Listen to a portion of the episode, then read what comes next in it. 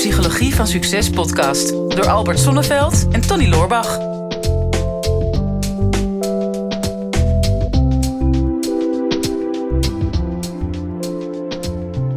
Tony, vind jij dat jij in balans bent op dit moment? In balans. Ja, in balans, ja. Ja. Nou, ehm, ik, ik vond de afgelopen maanden even van niet. Ja. Ik heb echt hele drukke, gestreste tijd gehad. Maar ik heb, daarvoor had ik wel zes maanden dat ik juist heel, heel rustig was en heel relaxed had. Dus dat is in principe wel in balans. dus, ja, dus dan zou ik zeggen, eh, ja, ik heb een heel gebalanceerd leven. Maar zo voelde dat de afgelopen twee maanden niet. Nee. Nee. Nee, dan is het heel erg gerelateerd aan de hoeveelheid tijd die je ergens eh, aan besteedt dan toch? Of, Eh, tij- ja, een verdeling denk ik in voor mijn lijf zorgen, voor mijn business zorgen, voor mijn sociale leven zorgen. Eigenlijk een beetje alle vlakken in je leven wat allemaal een beetje met elkaar in balans moet zijn. Ik denk dat ik eh, vorig jaar een paar maanden heb gehad waar ik mijn business even wat meer links heb laten liggen en heel erg ben gaan investeren in eh, mijn liefdesleven, in, in eh, mijn, mijn fitheid, nieuwe dingen ontdekken, meer reizen.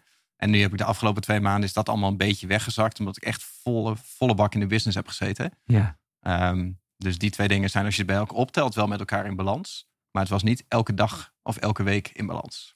Nou ja, dus wat we sowieso kunnen constateren, tenminste dat doe ik in mijn eigen leven, is dat er ja, balans is nooit een permanente staat. Dus Mhm. juist doordat je in beweging komt, en volgens mij heb je dat in het verleden wel eens een keer verteld, dat had iets met fietsen te maken. Als, ja, je, klopt. Ja. als je in beweging, als je in beweging blijft.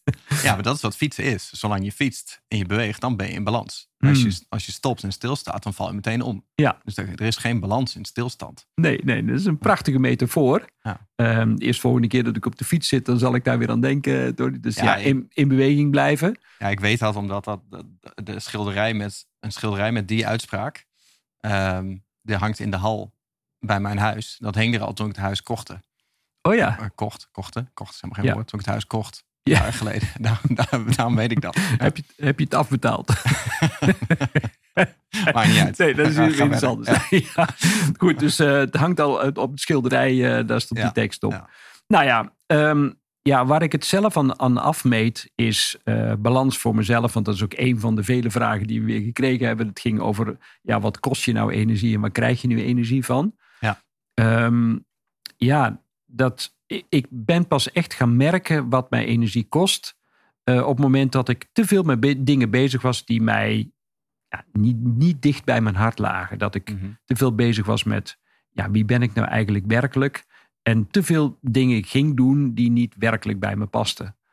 En daar kwam ik achter toen ik, ehm, ja, zeker aan het begin van mijn carrière, veel te veel petten op had. Dus Mm. ik had de pet op van de directeur van een opleidingsinstituut, ehm, ja, de psycholoog, de coach, Mhm. de schrijver van boeken, de auteur, de spreker. Ehm, ja, toen nog niet de podcaster, anders had ik die ook nog bij kunnen plakken. Ja. De vader, Mhm. De vriend, de sporter. Man, man, man, man, man. Mhm. En een aantal van die rollen, daar ging ik heel goed op. Dit was gewoon heel prettig en aangenaam. Maar ja, in die rol van directeur, toen ik achter een bureau zat en declaratiebonnetjes moest eh, gaan controleren van mijn medewerkers, ja, ik werd diep ongelukkig. Ja. Eh, ik denk, ja, zit hier als een soort boekhouder sowieso op een kantoor zitten, vond ik al verschrikkelijk. Want ik ben Mhm. het heel, ja, het liefst onderweg. en het liefst in de natuur ook. Mhm. Terwijl als je als boekhouder in je bedrijf zit, dan zou je zeggen dat je de balans wel op orde hebt. ja, ja, ja, ja, dat dan weer wel. Maar het gaf mij geen energie, Tony. Nee, snap nee, ik. nee, van geen kanten. Ja, dus toen heb ik gemerkt, goh, laat ik nu vooral dingen doen die ja, mij het allerbeste passen, waar ik het meest blij eh, van word. Of, ja, en toen merkte ik meteen, hé, hey, maar hier krijg ik wel energie van en het andere niet. Mhm. Maar toen kostte het nog wel heel veel energie om dat ook echt zo in te richten in mijn leven. Want ehm, ja, door gewoontes, dingen die je hebt aangeleerd, aangenomen. Ja, zo doe je dat nou eenmaal. Een directeur hoort nou eenmaal op het kantoor te zitten. En je moet als eerste moet je aanwezig zijn. En je moet als laatste het licht uitdoen. Mhm. Al die overtuigingen die ik had. Of ja, je hoort nou eenmaal naar familiefeestjes te gaan. Je hoort nou eenmaal naar nou ja, allerlei andere verplichtingen te gaan. Of zo doe je dat nou eenmaal als ouder. Je moet er altijd voor je kinderen zijn. Je moet, eh, nou, enzovoorts, enzovoorts. ja, ik weet niet hoeveel jaar dat ik erover gedaan heb om van al die conditioneringen en al die identificaties om daar los van te komen. Ja, want, want hoe kom je daarachter? Want een aantal van die rollen die liggen natuurlijk heel dicht bij elkaar. Stress. Stress. Ja, ja oké, komen we zo op. Ja, Eh, Stress. ja, maar dan, eh, oké, dat, dat is de aanleiding. Ja. Ehm, maar als je bijvoorbeeld die rollen noemt, hè, je zegt, je, bent, je bent natuurlijk de docent, hè, je staat voor de groep, je Mm. vertelt een verhaal, je schrijft dat verhaal ook op, hè, je bent ook spreker, je draagt dat verhaal ook over eh, op de werkvloer, hè, dus Ja. je bent ook een soort van visionair op de werkvloer. Hè, misschien ben je ook nog een podcaster en ehm, dat ligt allemaal heel dicht bij elkaar. Hè. Voor heel veel ondernemers voelt zelfs het runnen van het bedrijf een beetje als dezelfde rol. Hè. Die splitsen dat al niet eens eh, uit. Nee. Ehm, dus, dus daar zul je al eerst al achter moeten komen. Hè. Waarschijnlijk als je te veel stress hebt, ja, dan, dan zie je een noodzaak om daar onderzoek naar te gaan doen. Maar kon jij dat zelf de vinger op de zere plek leggen van nou, het zijn precies deze dingen die mij energie Nee. kosten? Nee hoor, nee, ik zeker niet in het begin. Ja, ik had ook de overtuiging, ja, niet zeiken, dat hoort er eenmaal bij. Dat zijn de andere kanten van het ondernemerschap, dat moet je nu eenmaal doen. Mhm. Ehm, aanpakken, op wilskracht. Ja, ik heb mezelf heel veel geweld aangedaan. En dat is ook het lastige. ja, ik voelde me ook Mr. Time Management, dus ik stond 's morgens al heel vroeg op. Ehm, ja, vond ook dat ik al die dingen moest kunnen. En ik had toen ook ja, de leeftijd en de veerkracht om het ook allemaal te kunnen. Mhm. Dus ergens pas zo rond mijn veertigste begon ik te merken van... oei, mijn lijf werkt niet helemaal meer mee. Mhm. Ehm, ja, zoveel nachten achter elkaar, weinig of niet slapen... is toch niet, ook niet heel eh, behulpzaam. Mhm. Dus ik merkte pas in een, ja, een wat latere fase van mijn leven... hoeveel geweld dat ik mezelf aandeed. Daarvoor kon ik die signalen gewoon negeren. Mhm. En vaak is er dan een crisis voor nodig om te merken van... hé, hey, dit past wel bij mij en niet. Dus het, de eerste realisatie kwam pas toen ik veel te veel stressklachten begon te krijgen. Mhm. En een relatie durfde te leggen tussen de signalen die ik had. Mhm. Lichamelijk, emotioneel, mentaal. Ehm, en het gedrag wat ik, wat ik al die tijd had. Mhm. Wat ik blijkbaar aan het negeren was. ja, stress is er wat dat betreft dan toch een beetje de lichamelijke reactie op een noodzaak tot verandering. Laten we het, Ja. laten we het zo Ja, lichamelijk en, en psychisch ook en emotioneel. Mhm. Ehm, ja, ik begon ook steeds meer te piekeren, kon me slecht te concentreren. Ehm, ja, ik was veel sneller geïrriteerd ook. Mhm. Ik had die middelvinger eh, in het verkeer meer boven het stuur dan aan het Hm. stuur. Mhm. Eh, ik sloeg regelmatig op het dashboard. Mm, Mijn neusgaten gingen steeds verder openstaan, omdat ik een beetje type woeste stier aan het worden was. Ja, dan weet je al. Was aan de, so- soms was ik aan, het- aan het zakkeren tegen de kinderen of tegen de, tegen de hond. Of hè, die een beetje verdwaasd binnen zat te kijken van hè, wat is Mhm. er nou weer aan de hand. Mijn geduld verliezen. Ja, dan weet ik wel. Oké, ik zit aan een randje. Mhm. Ik ben met dingen bezig waar ik niet gelukkig van word. Nou, vaak is op het randje wel het lekkerst. Het randje, Ja, daar nee, gebeurt het. Precies, daar zit, daar zit, daar zit de wrijving. daar zit de wrijving. Ja. Maar ja, alles wat kort is, is lekker. Tenminste, Nou, dat, zou, dat zou niet iedereen het mee eens. als, als het, Jezus, het is weer zover, hè? We komen er weer op. Maar eh, ja, je snapt het. Als het Ja, qua, tijdsduur, qua tijdsduur eh, kan het soms prettig zijn. Maar over het algemeen, als je te lang jezelf geweld aan doet, ja, dan, dan, dan weet je dat je er op een gegeven moment mee moet stoppen. Ja, en het liefst ben je natuurlijk een beetje voor. Ja. Ik, ik had het nu in, in, in twee fasen, denk ik, in de afgelopen. Hè. Als we kijken naar waar, hoe kom je erachter waar je energie van krijgt, wat je energie kost. Ik heb het, vorige zomer heb ik het heel bewust gedaan. Hè. Toen nam ik natuurlijk die social media detox. Ja. Dus zes weken lang eh, social media uit, eh, nieuws uit. Ehm, eh, nou, elke vorm van, van digitale input ging er even uit, zeg maar. Van eerst even pauzeren en dan nadenken over wat geeft mij energie, wat kost mij energie. En dat ben ik toen gewoon gaan schrijven. Dat is zo'n beetje de makkelijkste manier om eerst inzicht te krijgen. Is je pakt gewoon eh, twee vele A4. Ja. En je schrijft boven de een wat geeft mij energie. En de andere is wat kost mij energie. En ik deed dat dan met eh, eh, thinking time. Dat heb ik ooit geleerd van, ehm, hoe heet hij ook alweer, van de 4-day MBA. Keith Cunningham. Ja. Die noemde dat thinking time. En die zei, het is een heel simpel principe. Hè, maar je gaat gewoon zitten. Eh, comfortabele stoel. Nul afleiding. Voor minstens een half uur. Maar het liefst wat langer. En je schrijft gewoon je vraag op. Dus wat kost mij energie? En dan, hij zei, je zet gewoon meteen een kruisje of een cirkeltje van een bullet point. En dan schrijf je je antwoord. En als je een antwoord hebt gegeven, dan geef je meteen een volgend kruisje. Ook al weet je Mhm. het volgende antwoord nog niet. Hij zei, want dan breng je je brein in een soort van momentum. En de bedoeling is dat je gewoon een half uur lang blijft zitten en je blijft alleen maar schrijven. Dus het is een soort van breindump of brainwash misschien wel. Eh, Ja. Omdat je gooit echt alles eruit. En, en dan komen er, eh, na een tijdje komen er hele interessante antwoorden. Je denkt er niet al te lang over na. Wat kost me energie? Wat geeft me energie? Soms schrijf je ook dingen op in, bij, in beide kolommen. Want- Tuurlijk. En, en daar zit vaak een beetje de magie. En dat heb ik vorig jaar ook wel gemerkt. Dat dingen waarvan je zeker weet dat ze je energie kosten en je geld kosten. die, die, die streep je sowieso meteen wel door. Mhm. Maar dingen die je bijvoorbeeld energie kosten, maar wel geld opleveren. Of energie kosten, maar een gewenst resultaat opleveren. eh, vanwege je sociale positie of eh, in je liefdesrelatie of wat dan ook. ehm, die, die streep je niet zo snel door. Hè? Of dingen die je wel energie opleveren, maar die geld kosten. Die streep je ook niet zo snel door.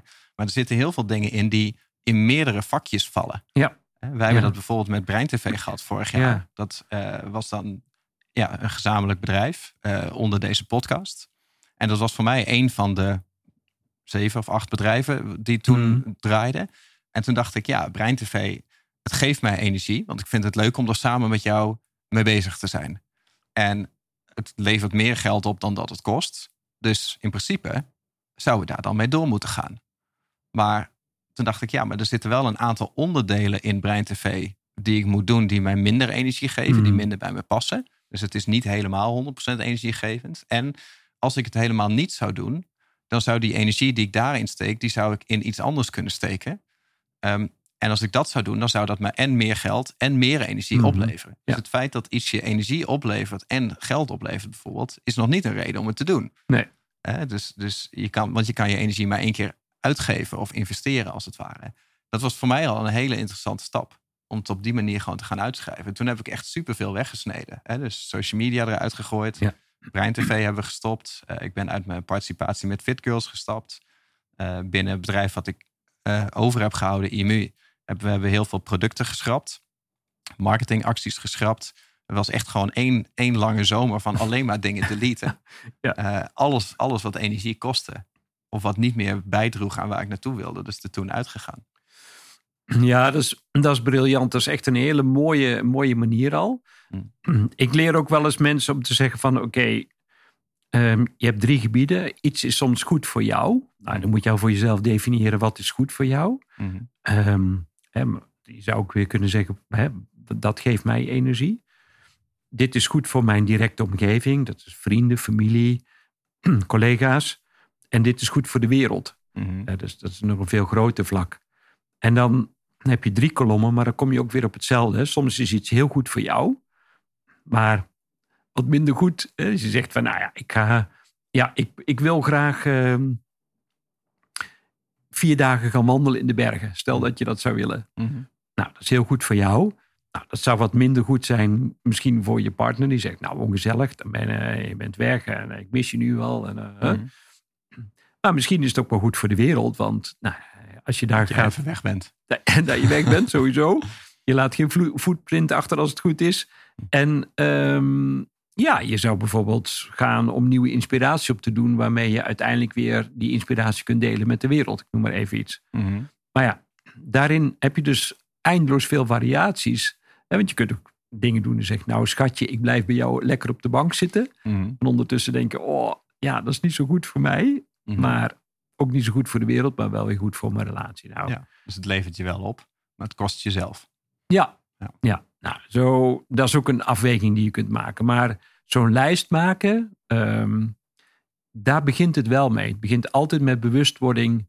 Oké, als ik nou heel eerlijk ben en je kunt het desnoods schalen op een schaal van 0 tot 10. Mhm. Bepaalde dingen die eh, meer energie kosten dan andere.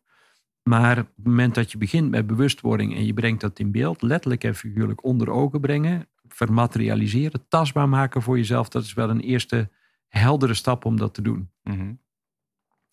Ja, en dan komt wel, hè, want met inzicht alleen ben je er niet, dan moet je het ook gaan toepassen. Mhm. En daar, daar zit vaak ook nog wel een hele hiccup hoor. Ik merkte gewoon, ik had te veel petten op. aantal petten die paste me niet zo. Nou, dat merkte ik doordat ik te veel stress had in mijn leven. Ik denk, oké, die stress wil ik naar beneden brengen. Eh, dat kan ik alleen maar doen door keuzes te maken. Ja, welke keuzes maak ik dan? Nou, dat, die maak je dan, wat jij ook gedaan hebt, op basis van de, de lijstjes die je voor jezelf ehm, helder hebt. Nou, wegschrappen, dat is al één. Maar daar iets voor in de plaats zetten en dat ook gaan doen, dat is nog wel weer een tweede. Mhm. Ehm, Moet er altijd iets voor in de plaats komen? ja, het vult zichzelf. Hè, dus je zegt, ja, eh, ik, ik ga niet meer op de social media. Mhm. Eh, en dat heb jij ook gedaan. En als ik gelijk even eh, proef op de som. Wat is er voor in de plaats gekomen? Nou, in de eerste week heb ik nog nooit zoveel op de Funda-app gezeten. Als, Ja, zie je? Ja, ging Ja. naar een andere app. Ja, Ja, ja, Klopt, ja. ja dus er komt er echt iets voor in de plaats. Ja, ruimte vult zich inderdaad heel snel. Ja, Ja. ja. En dan is de vraag, vult die zich met dat waar je tevreden mee bent? En dan op een gegeven moment merk je gewoon, het is nog een oude neiging. Hè? Dus dan zit je op de Funda te kijken. Dat is ook weer een soort verlangen zit je dan bij jezelf op te wekken. Of een, ja, een bepaalde vorm van afleiding of wat het dan ook maar is. En toen je dat door had en Funda viel weg, wat, wat is er toen voor in de plaats gekomen? Ehm goeie vraag. Eh, weet ik niet meer precies. Ik ben Nee. toen wel natuurlijk veel meer gaan, gaan whatsappen. Ja, Want dat was het enige wat geen probleem was bij mij. Dat werd toen heel snel een probleem. Ehm, en daarna is er, eh, zijn er andere dingen voor in de plek gekomen. Dus meer fysiek afspreken met mensen. Ja. Omdat het digitale contact natuurlijk geen optie meer was. Mhm. Ehm, en meer, eh, meer reizen is er bij Ja. mij voor in de plaats gekomen. En kostte dat meer energie of kreeg je er meer energie van? Van die fysieke ontmoetingen en dat reizen? Kreeg ik meer energie van. Ja, Ja. nou, dat, er zit geen seconde twijfel tussen. Nee. Nou, dus het heeft zich op een hele goede manier ingevuld. En waarschijnlijk is dat nu zo onderdeel van je leven geworden. Mhm. dat je, je, daar ga je niet meer snel afscheid van nemen. Of weer terug naar het oude van, nou, weer lekker terug naar de social media. En ik ga minder reizen en minder fysiek afspreken. Nee, klopt. Nee, ik, ik denk dat dit, dit was voor mij een methode een tijd geleden. En, eh, en dit is een makkelijke stap om hiermee te beginnen, denk ik. Ja, als je merkt dat je veel stress hebt of dat je die eigenlijk helemaal niet helder hebt in je leven wat je energie geeft en wat je energie kost. En dit zijn, laten we zeggen, rollen of beter gezegd nog taken, activiteiten in mijn leven Mhm. die ik had, die je dan kan schrappen of die je anders kan gaan doen. Ehm, maar een volgende stap, denk ik, wat, wat ietsje moeilijker is, is dat je binnen datgene wat je allemaal wel wil blijven houden in je leven. En wat jij ook hebt gehad, van je hebt een aantal rollen die waarschijnlijk door de keuring zijn gekomen, Mhm. maar die nog niet helemaal kloppen. Hè? Dus er zitten onderdelen in die jouw energie kosten. Ja. Of je, bent, je doet iets waarvan je zelf vindt dat het van je wordt verwacht. Of waarvan je stiekem het idee hebt dat andere mensen dat van jou verwachten. Ja. En, en dat is misschien nog te pijnlijk om toe te geven. Of je ziet niet een alternatief. Hè? Dat je denkt, nou ja, als ik dat werk doe, of als ik die vriend heb, of als ik deze relatie heb, dan is het alles of niks. Dus ik heb dan niet de keuze om daar de energiezuigende onderdelen uit te gaan halen. Ja, nou ja, ehm, dat wordt dus eh, communicatie en eh, perceptiemanagement. Hoe, zou- hoe zou je dat aanpakken? Ehm, nou, Dat op is een moeilijke vraag. Nee hoor, nee, nee, nee. nee. Ja, Nou ja, dacht ik. Kijken of jij een keer iets niet zou weten. Ja, nou, dat zal best wel een keer voorkomen. Oh. Maar ja, het is natuurlijk waar ik dagelijks mee te maken krijg op het moment dat ik mensen coach. Want Mhm. ja, die komen bij mij om één reden. Ze willen gedragsverandering. Mhm. En zodra ze gedrag gaan veranderen, heeft dat effect op de omgeving. En die moet daar iets mee. Dus de eerstvolgende vraag na de gedragsverandering is... hoe ga ik dat aanpakken met mijn omgeving? Mhm. En ja, en dan komt communicatie om, om de hoek kijken. En dat begint met heel eerlijk te zijn. ehm, door de personen waar je jouw gedrag, jouw nieuwe gedrag aan kenbaar wil maken. Want die, die, zullen, de- ja, die zullen daar ook rekening mee moeten gaan houden. Oh, eh, Tony is veranderd. Mhm. Eh, Tony is niet in één keer meer altijd aanspreekbaar. Of daar Mhm. kan ik niet altijd meer op terugvallen. Of Tony is zoveel eerlijker geworden. En eh, dat is best wel confronterend. En Mhm. hoe moet ik daarmee omgaan? En dus op het moment dat je dat inzicht hebt, zeg van mij helpt het altijd om eerst te zeggen wat mijn reis naar dat punt is gekomen. Wat mij uiteindelijk heeft tussen aanhalingstekens gedwongen om tot nieuw gedrag te komen. Mhm. Bijvoorbeeld te zeggen van goh, ik merk dat ik steeds slechter ging slapen. Ik merk dat ik mijn conditie ging steeds verder achteruit. Ik merk dat ik er steeds onvriendelijke persoon werd. Uh, ja, ik was mijn blijheid, raakte ik kwijt. Of nou, in ieder geval, mijn, ik, geef, ik communiceer altijd heel duidelijk met een aanleiding. Mm. Mijn pijn. En dan zeker altijd bij, dat wil ik mezelf en mijn omgeving niet aandoen, dat oude gedrag. Ik Mhm. merk dat het mezelf veel energie kostte.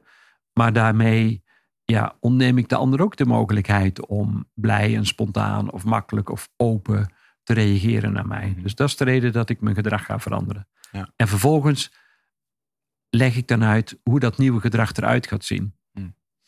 Ehm, dus ik ben vaker thuis. Of ehm, op het moment dat je nog met mij wil vergaderen, dan heb je maximaal een half uur. Mhm. Of, hè, dus ik, ik ga heel duidelijk de consequentie van mijn nieuwe gedrag uitleggen.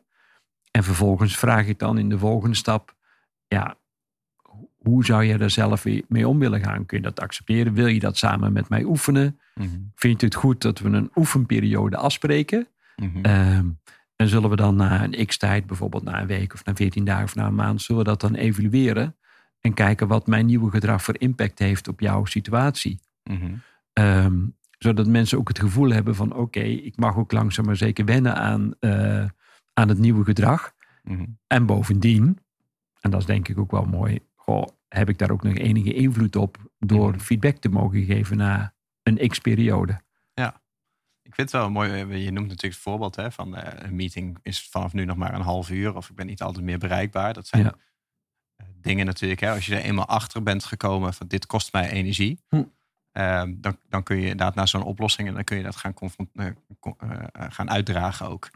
Ehm, wat ik moeilijk vind is zeg maar het stukje van hè, hoe kom je daar precies achter. Hè? Want zo'n lijstje maken, dat zijn nou tastbare dingen in je leven. Oh, ik wil dat beroep niet meer. Ik wil deze vriend niet meer. Ik wil deze activiteiten niet meer doen. Want dan gaat, dat is heel erg tijdgericht vaak ook. Hè? Het is Mm. echt gewoon, je kan het letterlijk van je agenda pakken. Ja.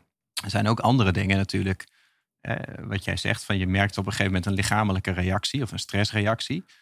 Ehm, en wat ik mooi vind aan jou, we hebben de laatste tijd wat gesprekken gehad natuurlijk, hè, waarin je mij pro- meer probeert te leren van als er nou zoiets ontstaat, wat probeert je lichaam je dan te vertellen? Ja. We hadden bijvoorbeeld laatst hè, dat ik eh, redelijk recent met, met ineens een blaasontsteking eh, zat, waarvan ik niet zeker wist wat het was. Toen, toen nog, bleek Hmm. uiteindelijk gelukkig mee te vallen. Dat jij ook aangeeft van oké, wat probeert dat onderdeel van je lichaam jou nou te vertellen? Hè? Staat dat, eh, is misschien een heel gek voorbeeld dat ik dat deel. Hè? Maar dat je zei van staat dat niet symbool voor het afbakenen van je territorium? Ja. Of het letterlijk pisnijdig zijn ergens over. Ja. En eh, dat, dat zeg maar, dan, merk je iets aan je lijf van oké, mijn lichaam probeert me te vertellen dat ik te weinig eh, grenzen stel. Dat ik te Mhm. weinig mijn territorium afbaken. Of dat ik diep van binnen dus ergens pisnijdig over ben.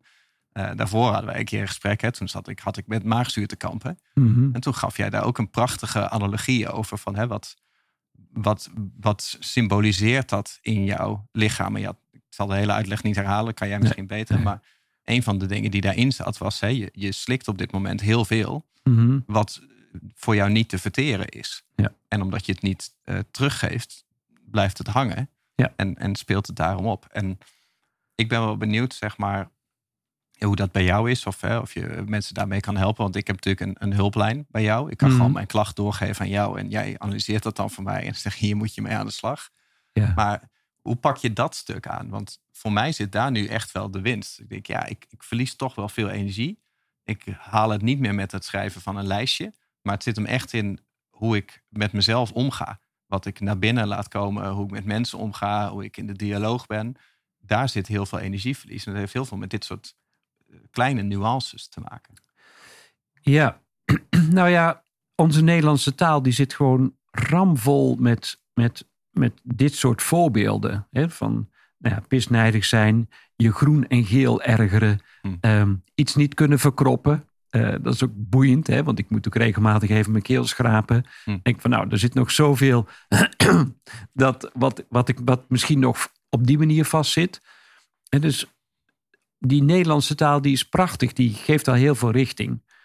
En al in een hele vroege stadium van, van mijn psychologieopleiding kwam ik ook in contact met het boek van eh Torvald Detlefsen, heette dat. En eh, het heette De Zin van Ziek zijn. Hm.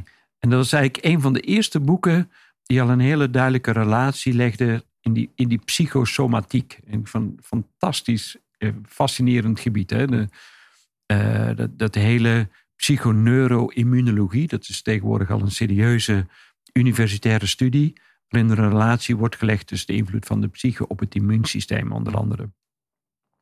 Nou ja, uh, inmiddels zijn er heel veel boeken in die richting. Uh, Christiane Bierland uh, heeft daar, voordat ze is overleden, maar heeft een aantal lijvige boekwerken geschreven over al die signalen van het lichaam en hoe je die zou kunnen interpreteren. Nou, nou zit daar ook een hoop vaagheid bij, want het, is, blijft altijd wel een, een richtingaanwijzing van als je niet meer in balans bent, dan is dat een teken dat je niet helemaal volledig jezelf bent of niet helemaal je, jezelf kunt leven. Zoals ik altijd zeg, je, je blauwdruk.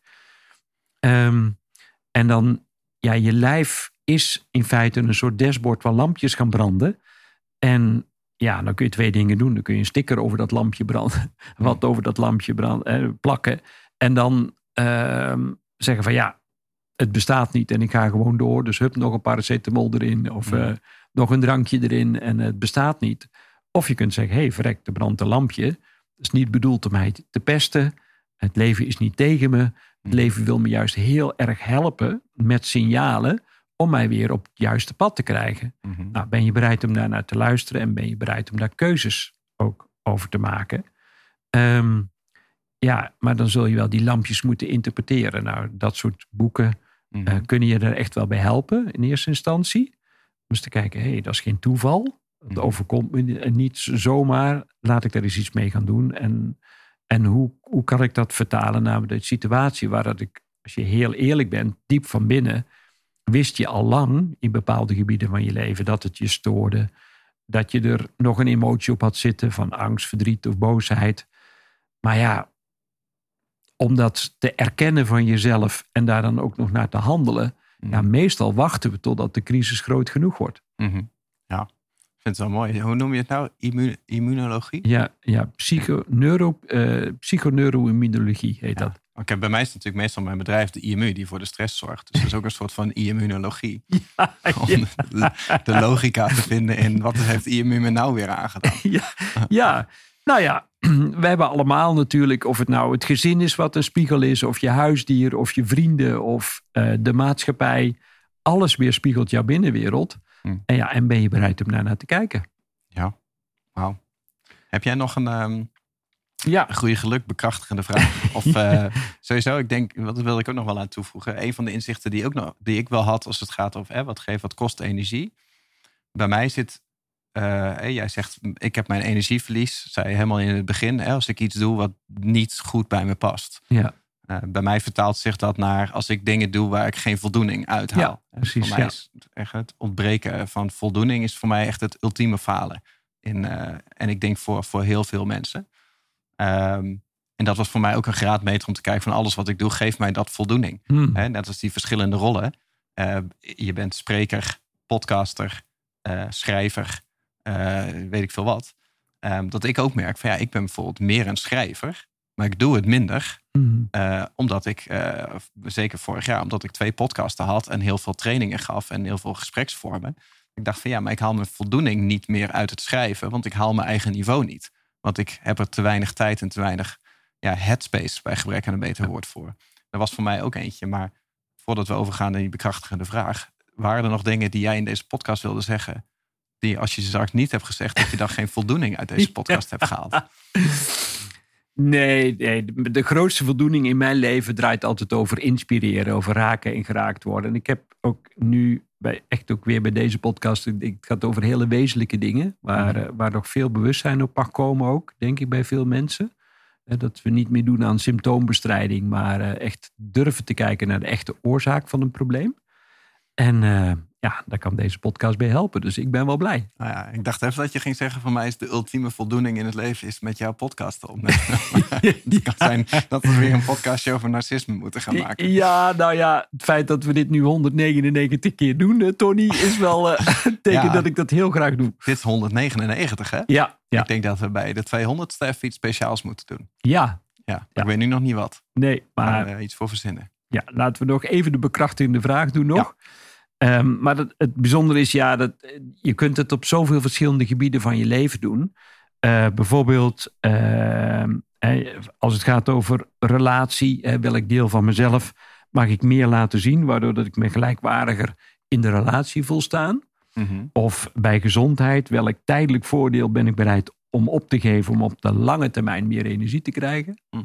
Mooi. Of ehm, werk. Ja, ik ga ze niet allemaal herhalen, dus je moet ze gewoon even terugluisteren. Ja, ja. Ik ga ze wel, ik typ ze wel even in de YouTube-omschrijving. als, als werk uh, voor jou betekent een bepaalde vorm van zekerheid bijvoorbeeld, hè, financiële zekerheid. Welke vorm van zekerheid slash erkenning ben ik bereid los te laten, zodat ik meer vrijheid kan ervaren? Ja. Uh, nou, dat zijn een paar bekrachtigende vragen waar je eens lekker mee aan de slag mag voor jezelf. Ja, ik ga ze even overschrijven in de YouTube-beschrijving. Dat doe ik uh, bij alle afleveringen de laatste tijd waar die in zit. Dus dat is meteen een reden voor mensen om uh, al die afleveringen terug te kijken. Dan klikken ze ze allemaal aan. Dan Ja. krijgen wij meer views.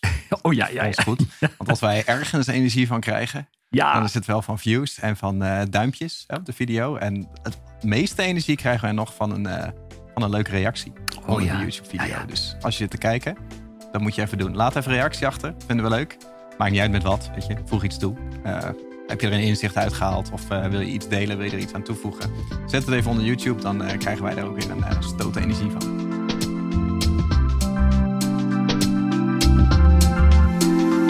Dit is de Psychologie van Succes podcast door Albert Sonneveld en Tony Loorbach.